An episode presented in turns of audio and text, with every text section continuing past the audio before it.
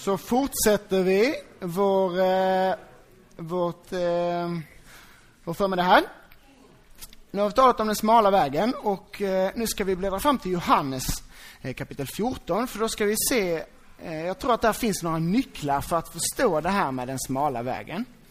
Eh, så ni kan slå upp Johannes 14, vers 5.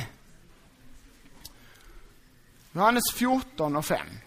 Där talar Jesus också om vägen. Johannes 14, 5 och 6. Jag läser där. Det är vid den eh,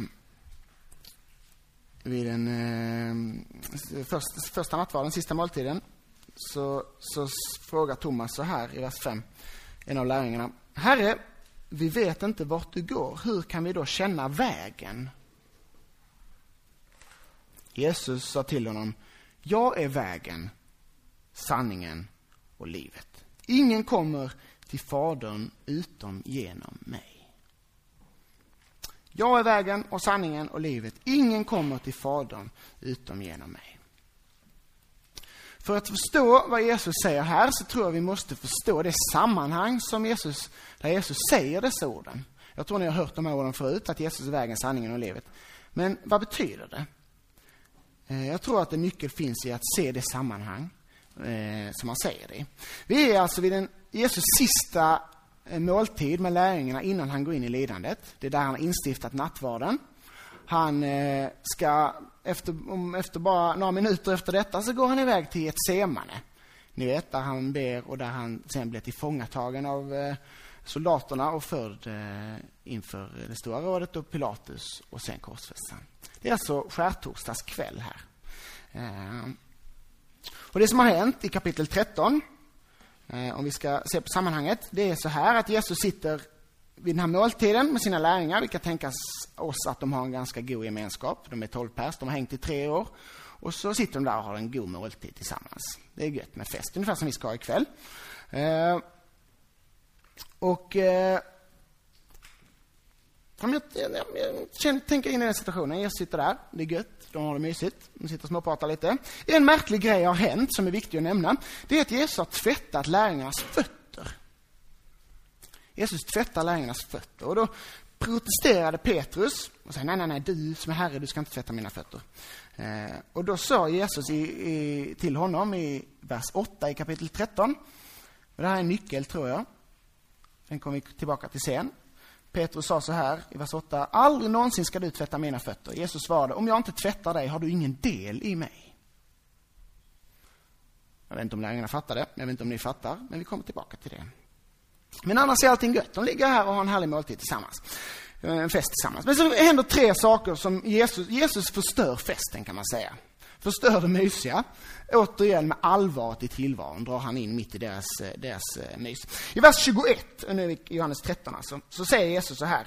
Det står att han upprördes i sin ande och vittnade. Amen, amen säger jag er, en av er ska förråda mig. Och lärjungarna såg på varandra och undrade vem det han kunde mena.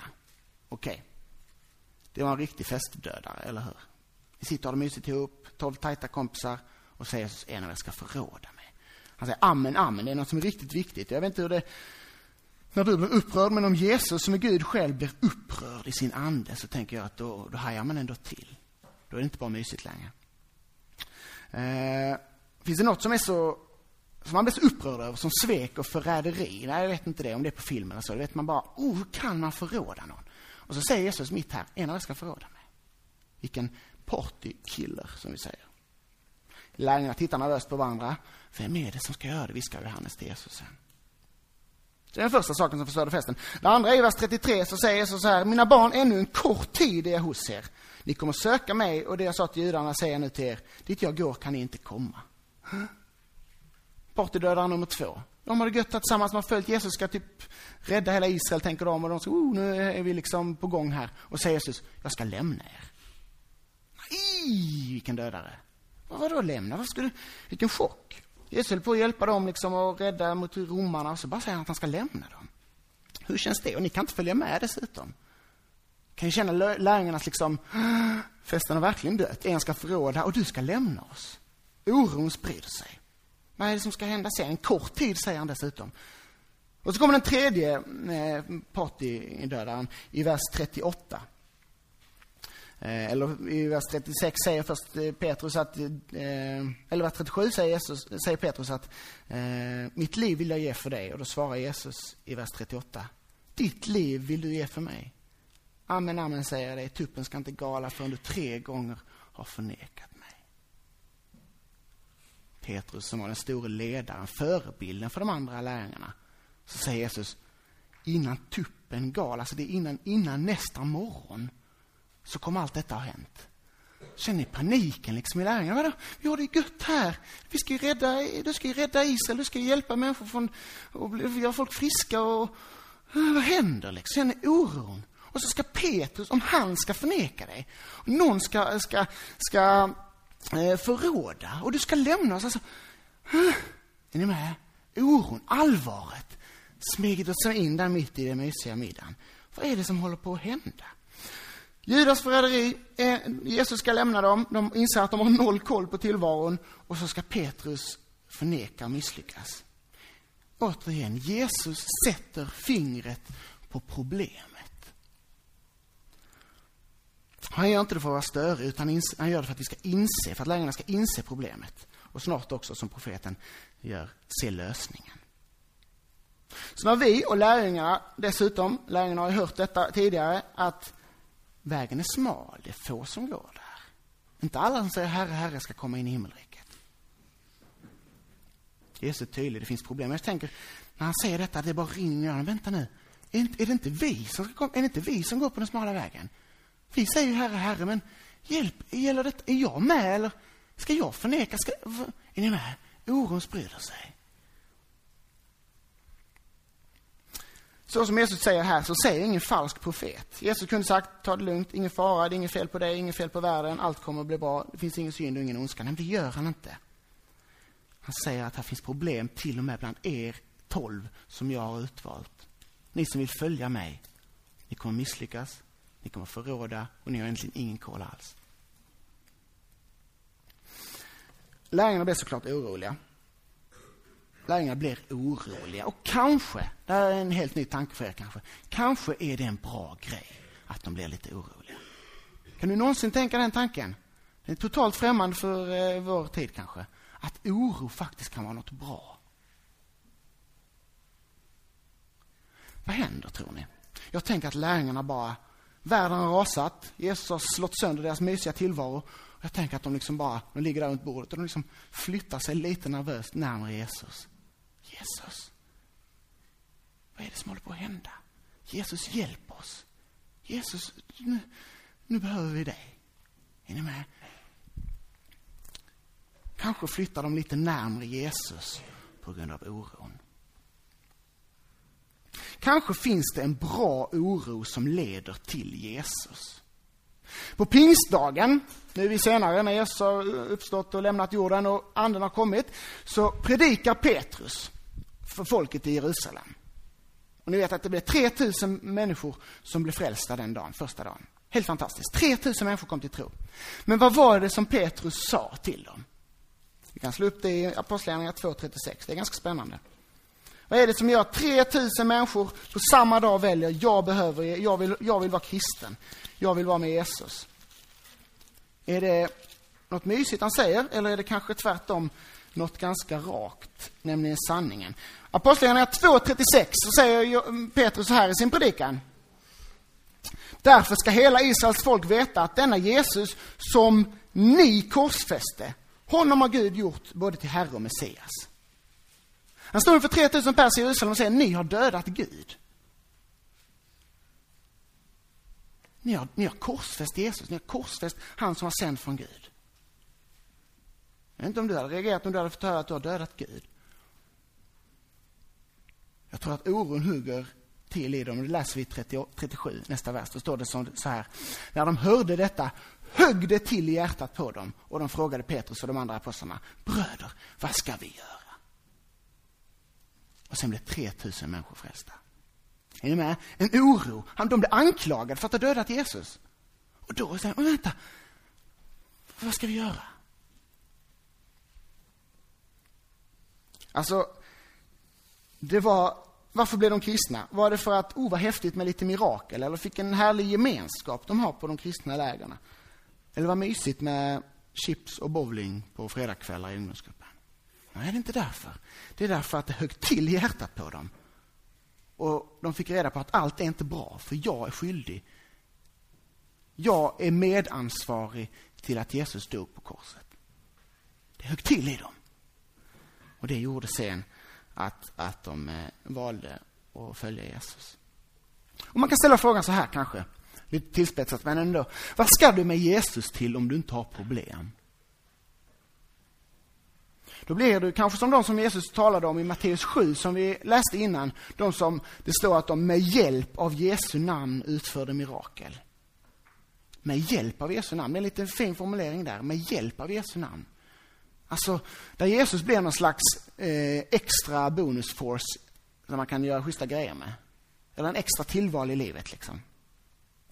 Jesus, lärjungarna ber ju aldrig med hjälp av Jesu namn, de ber i Jesu namn. Eller till Jesus, eller med Jesus. Men inte som någon slags, eh, inte, som, inte med hjälp av. Alltså ni är med på den formuleringen där, jag tycker den är lite intressant. Eh, som en extra bonusgrej. Vi tar till Jesus med detta, det blir schysst. Jesus säger till dem, jag har aldrig känt er. Jag har aldrig känt er, det läste vi i Matteus 7. Och kanske är det därför att de aldrig har kommit som Bartimeus, den blinde mannen eh, som säger, ropar till Jesus, Herre Jesus, Davids son, förbarma dig över mig. De har aldrig sagt som Petrus, när han faller ner på knä inför Jesus och säger, gå bort ifrån mig för jag är en syndare. De har aldrig sagt som rövaren på korset som säger, Jesus du kan väl i alla fall tänka på mig när du kommer till ditt rike, för jag, jag kommer inte dit, jag platsar inte där. Är ni med? Alla de här tre har insett att, att det finns ett problem här i mig. De har en oro över sig själva. Är ni med? Vi lever i en fallen värld, vi är fallna, saker och ting är inte som de ska. Och vi lever inte automatiskt för Gud, tvärtom är vi födda i synd. Men låt detta att du är fallen, misslyckad, syndig, bristfällig, oron över det få driva dig till Jesus. För han har faktiskt sagt att jag inte kommit för att söka upp det som var för, eh, jag har kommit för att söka upp det som var förlorat. Och det är inte de friska som behöver läkare utan de sjuka. Och vi får ställa oss frågan, behöver jag Jesus? Behöver du Jesus? Jag ber att Gud ska ta dig dit. Jag ber att du ska be att Gud ska ta dig dit. Till beroendet av Jesus. Och då ett beroende på grund av en oro egentligen. En oro över hur man har det själv. Alltså att säga att man är beroende av Gud, det låter nästan så här kitschigt. Kan jag tycka. Att, oh jag är beroende. Det är liksom så här. Gud är som, eh, Jesus är som alkohol fast bättre. Jag är beroende av honom. Eh, det är en kick. Det är schysst, det är nice. Jag åker på läger och för det är så sjukt gött. Och så eh, är jag beroende av Gud för att han ska hjälpa mig när jag skriver matteprov. Och så är jag beroende av Gud för att han ska hjälpa mig eh, så jag vet vilken gymnasieutbildning jag ska välja. Eh, eller vilka kläder jag ska ta på mig. Ibland kan vi reducera att vara beroende av Gud till det. Och jag menar inte att det inte är bra grejer. Så jag vill inte eh, så. Utan det, det, det kan vara det är bra att vi är beroende så också. Liksom. Eh, men vänner, jag tror att det finns något viktigare att vara beroende av när det gäller Jesus än att han ska hjälpa dig på matteprovet.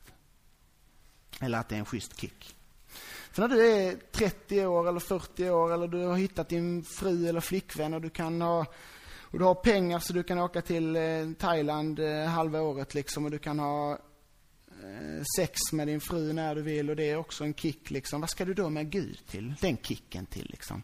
Vad ska du då åka på mysiga läger för när du kan liksom åka till Thailand istället? Är ni med? Och när du har valt din eh, gymnasieutbildning eller du har ditt jobb och ditt drömjobb och pengarna rullar in, vad ska du med Jesus till då? Är du med? Vad ska du med Jesus till då? När du inte är intresserad av vad en, när du har din, dina vänner redan. Du behöver inte åka på ett läger för att träffa trevligt folk. Du har dina bästa kompisar någon annanstans. Vad ska du med Jesus till då? Jag tror Gud väldigt lätt blir ointressant när du har din drömvilla och din Thailandsemester och din fru eller flickvän. Om inte Gud har fått föra dig till beroendet på ett annat sätt än att vara beroende av hjälp eh, till matteprovet och sånt. Och jag säger inte detta därför att, därför att eh, det borde vara så, för det är ju knäppt. Vi lever i en fallen värld.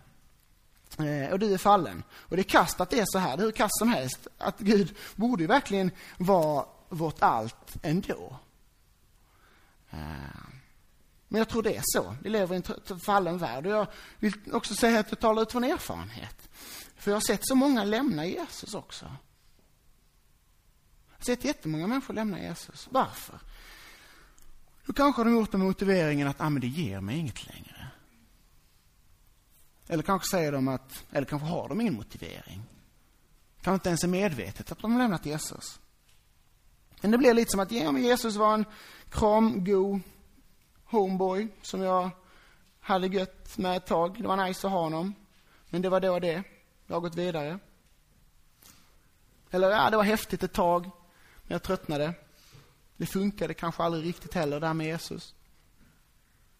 Han hjälpte mig med läxan, matteläxan, och han gav mig nya kompisar när jag åkte på läger. Nu är skolan slut och jag har en pojkvän och flickvän, så jag behöver inte Gud längre. Är ni med? Det kan bli så.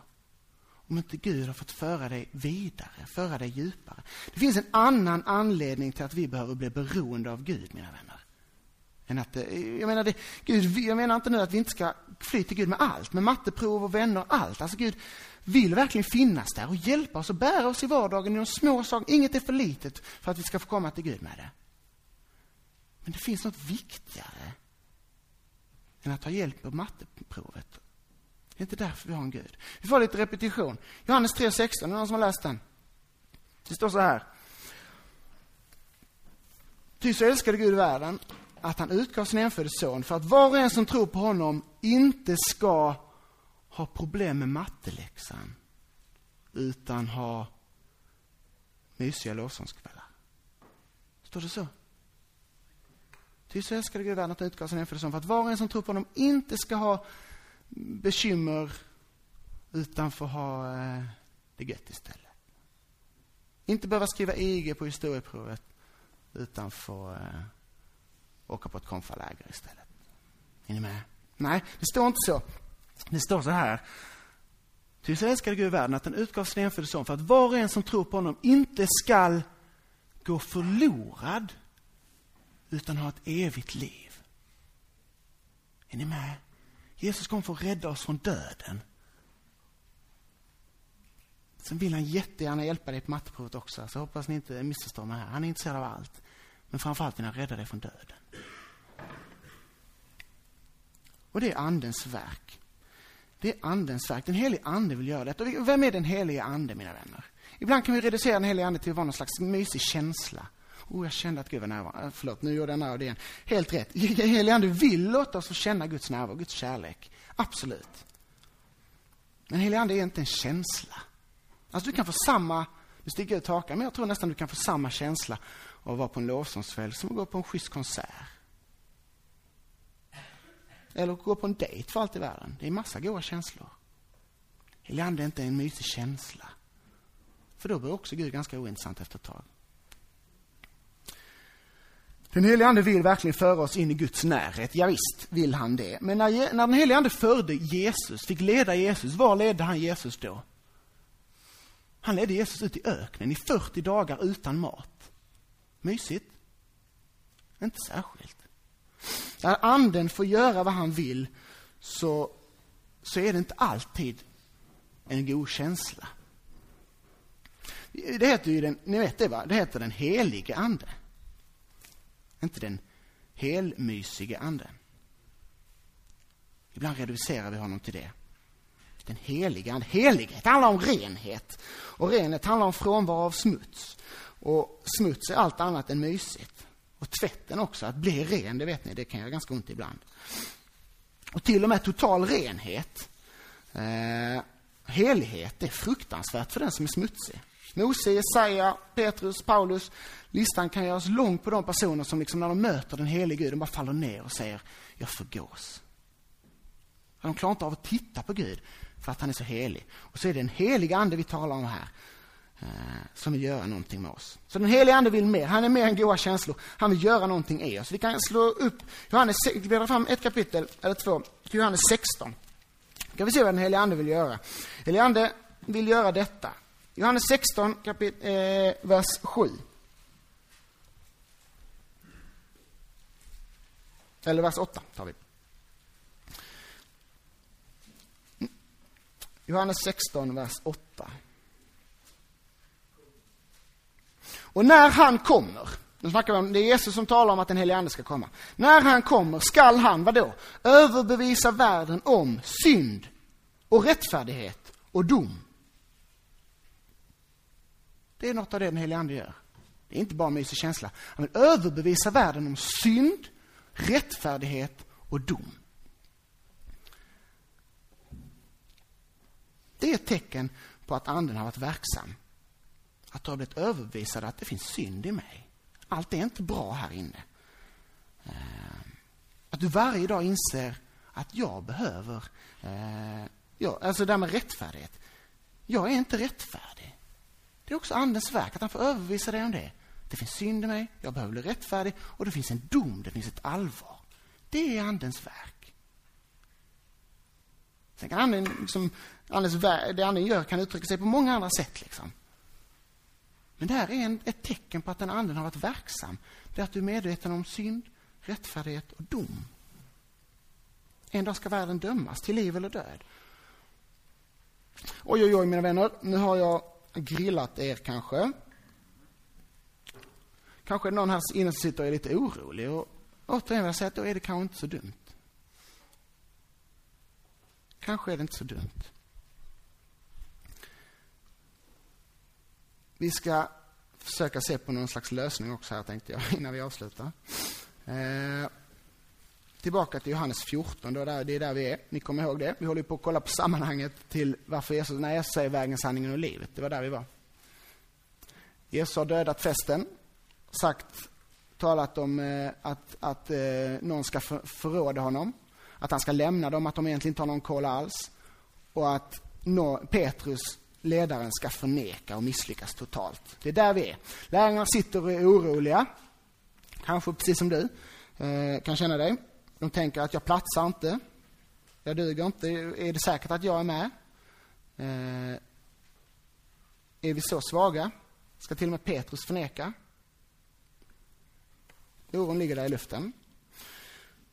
Och då, mina vänner, kommer eh, i samma, det är ganska häftigt det här. Om jag får säga en, eh, om jag tar med mig ett minne från 2011 när det gäller Bibeln så kommer det vara detta. För det här är väldigt häftigt. I samma andetag som Jesus har talat om att Petrus ska förneka honom, alltså talat om människans totala brist på att lyckas inför Gud. Om inte ens Petrus klarar det.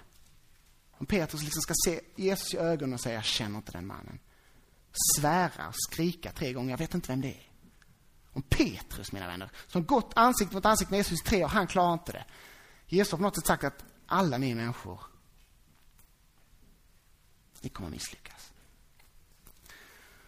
Och så kommer det i samma andetag, det blir som en frontalkrock, fast positiv. Om man säger så. En frontalkrock brukar vara negativ, fast positiv. Vi blir lite lurade ibland när vi läser Bibeln för att vi tänker att, eh, ofta läser vi tills det kommer en sån här kapitelmarkering. Då tänker vi, ja nu är det en ny grej så nu slutar vi läsa. Det kan vi läsa imorgon. Eller då tänker vi på versindelningar, men här är en ny vers så då pausar jag här. Man stannar väldigt sällan mitt i en vers. Men bort med det, för det fanns ju inte från början. Ett kapitel och versindelning fanns ju inte från början. Det har man lagt till i efterhand för att man skulle hinna, hitta bättre. Det sägs till och med att i, i urskriften så hade man inte ens mellanrum mellan orden för att eh, man skulle få plats ner på papperna. Så att allting gick i ett, liksom. Drrr, hela, bara bokstäver. Så fick man räkna ut vad orden skulle vara sen. sen. Och har man med det i huvudet så är det lite intressant när vi läser vidare. För att det står så här. Eh, om jag läser vers 38 igen. Och så glömmer jag bort att det är kapitelindelning där. Då läser jag så här. Tänk nu vad Jesus sitter där, han säger detta. Petrus säger, mitt liv vill jag ge för dig. Jesus svarade, ditt liv vill du ge för mig. Amen, amen säger jag dig. Tuppen ska inte gala förrän du tre gånger har förnekat mig. Låt inte era hjärtan oroas. Tro på Gud och tro på mig. Är inte det ganska häftigt? I samma andetag som han har förklarat att Petrus själv, den store ledaren, han kommer förneka och misslyckas totalt. I samma andetag fortsätter han. Låt inte era hjärtan oroas. Tro på Gud och tro på mig. Och så fortsätter han. I min faders hus finns många rum. Om det inte vore så skulle jag då ha sagt er att jag går bort för att bereda plats åt er.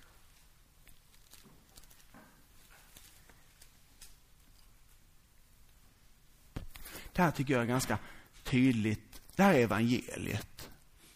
Att I samma andetag som man säger allt är inte bra. Du har ett jack i huvudet, Petrus. Och alla andra människor också. I samma andetag så säger han, låt inte era hjärtan oroas. Tro på Gud och tro på mig.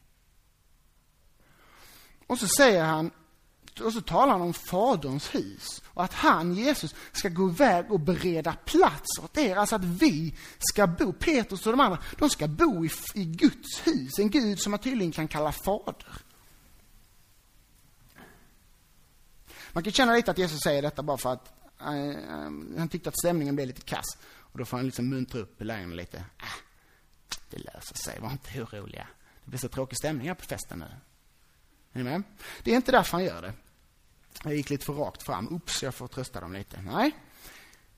Det är ingen grundlös tröst som Jesus ger. För Jesus har anledning att trösta dem. För det finns anledning att inte vara orolig. Det finns en anledning att våga tro att Faderns hus faktiskt är ett ställe också för dig och mig. För Jesus talar sanning. Han talar alltid sanning.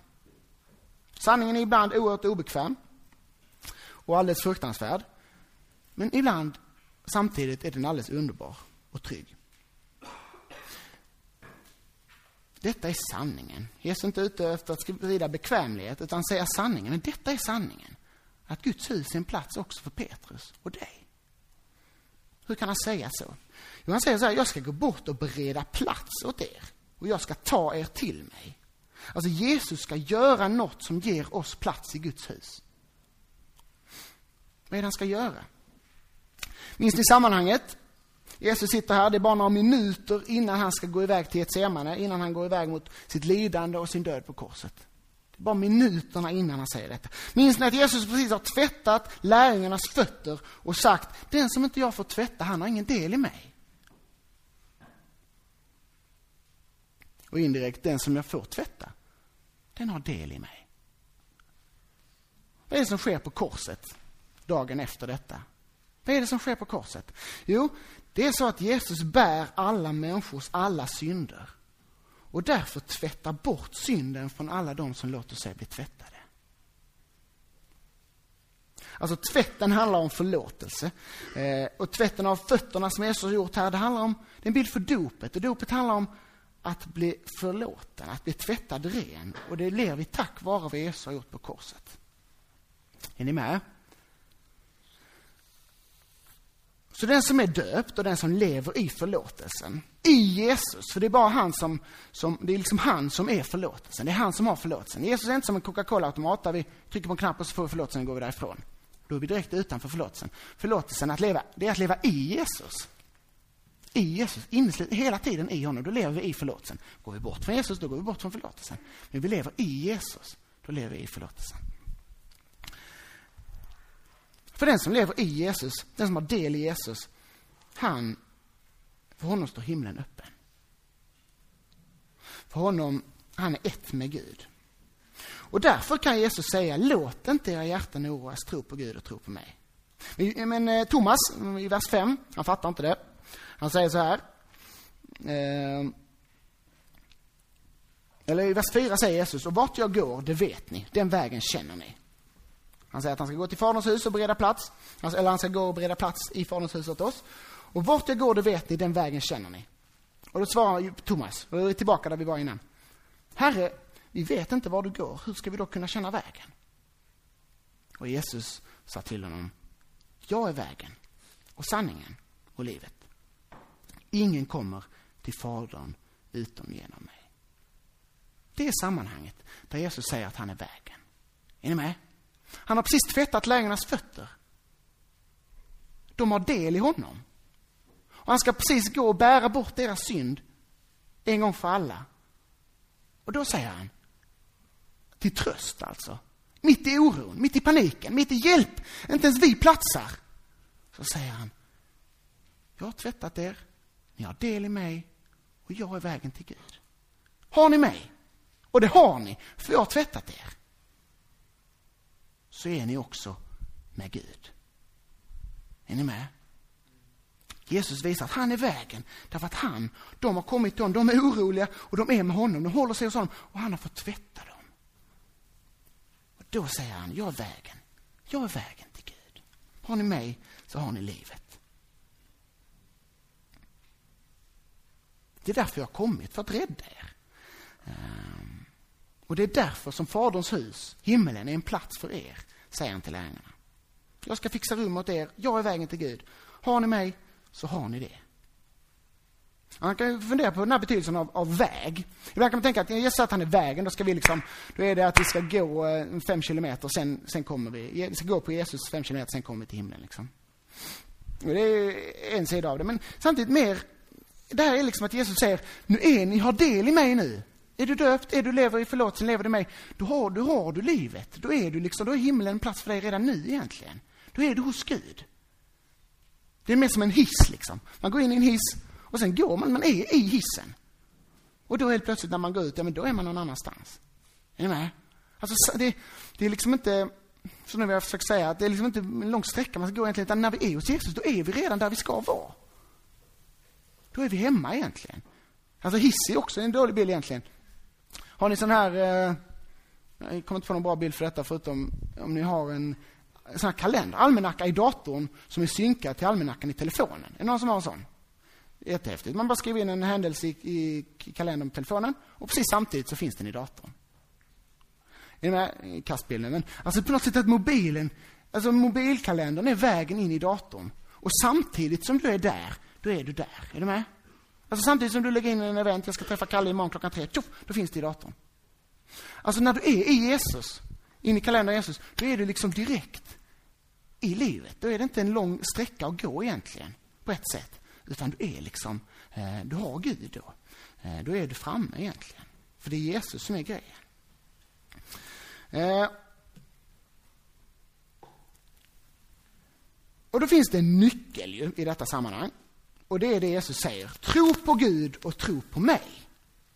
Kom till mig. Var med mig. Lev i mig. Låt mig få tvätta dig. Det är det som är nyckeln. Både, både Judas och Petrus hade ju misslyckats totalt, eller hur? Petrus förråder. Eh, Petrus förnekar, Judas förråder. Men det som är helt avgörande, det är att en av dem kommer tillbaka till Jesus. En av dem kommer till Jesus och är hos honom.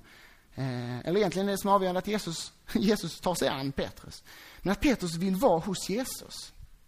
Och när, det är väldigt starkt när, Pet, när Jesus sen möter Petrus efter uppståndelsen. I Johannes 21. Vad är det Jesus säger då? Han har sagt du ska förneka mig tre gånger. Och så, så möter han då Petrus. Och Petrus, är, jag vet inte hur han känner. När han ser Jesus på ett sätt är han glad, samtidigt inser han att jag förnekar dig. Förra gången jag såg dig så såg jag dig i ögonen när du gick iväg med korset och jag sa, skrek, jag känner inte dig. Totalt misslyckad egentligen. Men så vad är det Jesus säger då till Petrus? Är det så här? Lyckades du? Lyckades du? Lyckades du? Nej, det han säger är så här. Har du mig kär?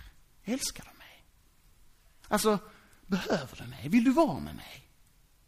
För om du vill vara med mig, då får du leva i förlåtelsen. Och då är jag vägen till himlen för dig också. Är ni med? Det är inte hur gick det nu? Hur, var, hur kristen var du förra veckan, Petrus? Hur kunde du säga det? Utan det, älskar mig, behöver du mig, vill du vara med mig? Och Petrus blir, blir nästan knäckt, men du vet allt, Herre. Och då är Petrus liksom hemma igen, för då är han med Jesus. Judas gick förlorad. Han ramlade i det diket att allt är kast och allt är kört, så han gick och hängde sig. Och Petrus skulle kunna hamna i det diket med, men han gör inte det. Och det andra diket som vi talar om, att säga att ah, allt är lugnt, det finns ingen, det är ingen fara, liksom, synden är inte så farlig. Det tror jag inte riktigt finns för Petrus just då. När han vet att han har skrikit, jag känner inte den mannen. Och sen ser han Jesu blick liksom. När Jesus går där och blir helt blods, blodslagen. Att säga då, ah, det är inte så farligt med synd, eller det gör inte så mycket. Det är inte det det handlar om. Det, kan man, det, det finns ingen risk att Petrus liksom hamnar i det diket och säger, äsch, det är inte så farligt med synd. Det är inte så farligt att misslyckas. Han är totalt knäckt egentligen över vad han har gjort. Men han hittade den smala vägen. Mellan dikena, är ni med nu? Han hittade vägen mellan dikena. Och vad var den vägen? Jo, det var ju såklart Jesus själv. Hur kan vi formulera den? Jo, man kan säga så här.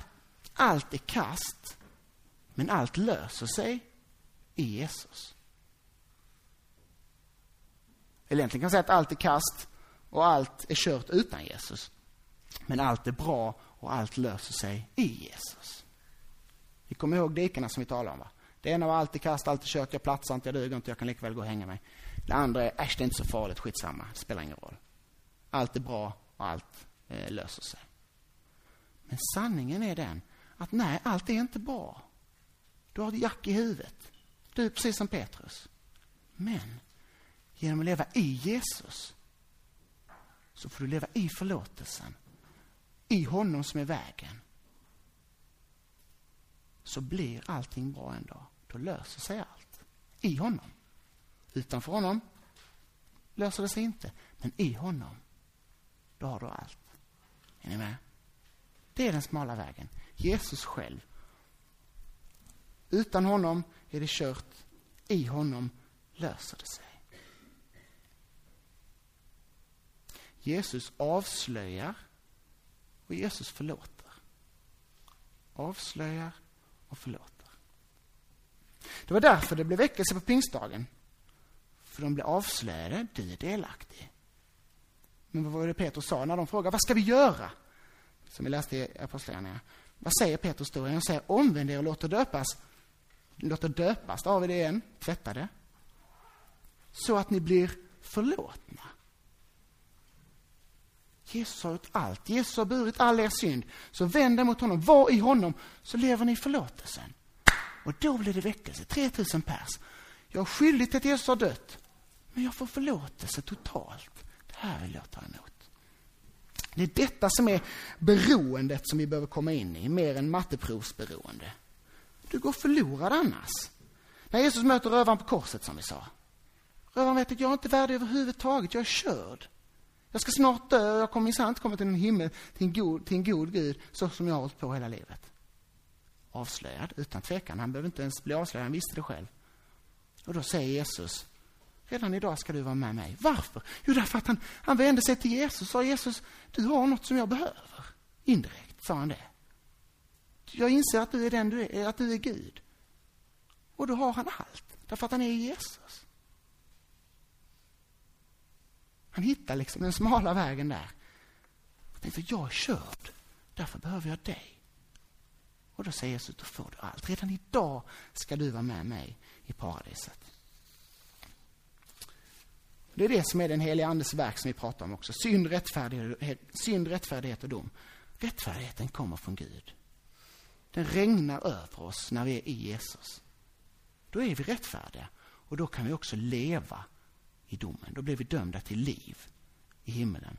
Därför att Jesus har burit din synd. Och när Gud ser på dig så ser han att du är i Jesus. Och därför väntar himmelen och Guds hus för dig. Och det står där i versen efter det här dom, synd, rättfärdighet och dom, så står det att anden förhärligar Jesus. Och det är precis det. När du inser det. Jag är helt körd själv. Men Jesus, är jag Jesus så har jag allt. Då har jag förlåtelsen, då har jag livet det är, att, det är att förhärliga Jesus. Då blir det ju, wow Jesus. Tack gode Jesus. Tack för att jag får ta emot allt detta helt gratis från dig. Då blir, han, då blir Jesus förhärligad. Då blir inte Jesus bara en schysst polare som kan vara god och snacka med ibland. Då blir Jesus liksom min räddning, mitt allt. Han som skiljer eh, mig från döden. Där kan jag vara helt trygg. Då kan jag Förstå vad Jesus säger när han säger låt inte era hjärtan oroas. Tro på Gud och tro på mig. Det är evangeliet. Det är alldeles fantastiskt. Luther sa så här, simul justus et peccator, det kanske ni har hört, det är latin. Simul justus et peccator, är det någon som vet vad det betyder? En del vet det, för ni ler. På samma gång rättfärdig och syndare. Alltså inte först rättfärdig och sen syndare utan samtidigt, på samma gång. Simul, det är simultankapacitet, ni vet, sånt som killar inte har. Tjejer har det. De kan göra två saker samtidigt. Killar har det inte, kan bara göra en sak samtidigt. Simul, simul, simul just sett på kartor. Samtidigt. I Jesus så kan vi samtidigt vara syndare, men också rättfärdiga. Och därför kan vi ha liv när vi är i Jesus. Kanske kan man också säga simul, trygg, ett, orolig. Nu gjorde jag en, eh, en svensk-latinsk mening där. Simul, orolig, ett. Simul, trygg, ett, orolig.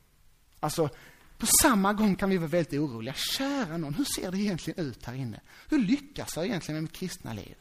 Det är inte mycket som funkar som det ska. Aj, aj, aj. En verklig oro. Jesus säger Petrus, du ska förneka. Alltså det finns en verklig oro. Kära någon. Jag, du, jag klarar inte, det. jag duger inte, jag lyckas inte. Och samtidigt veta, i Jesus, låt inte era hjärtan oroas. Tro på Gud, tro på mig. Jag vill vara i dig Jesus. För du har döpt, jag har döpt i ditt namn, jag är förlåten i dig och därför kan jag vara 100% trygg.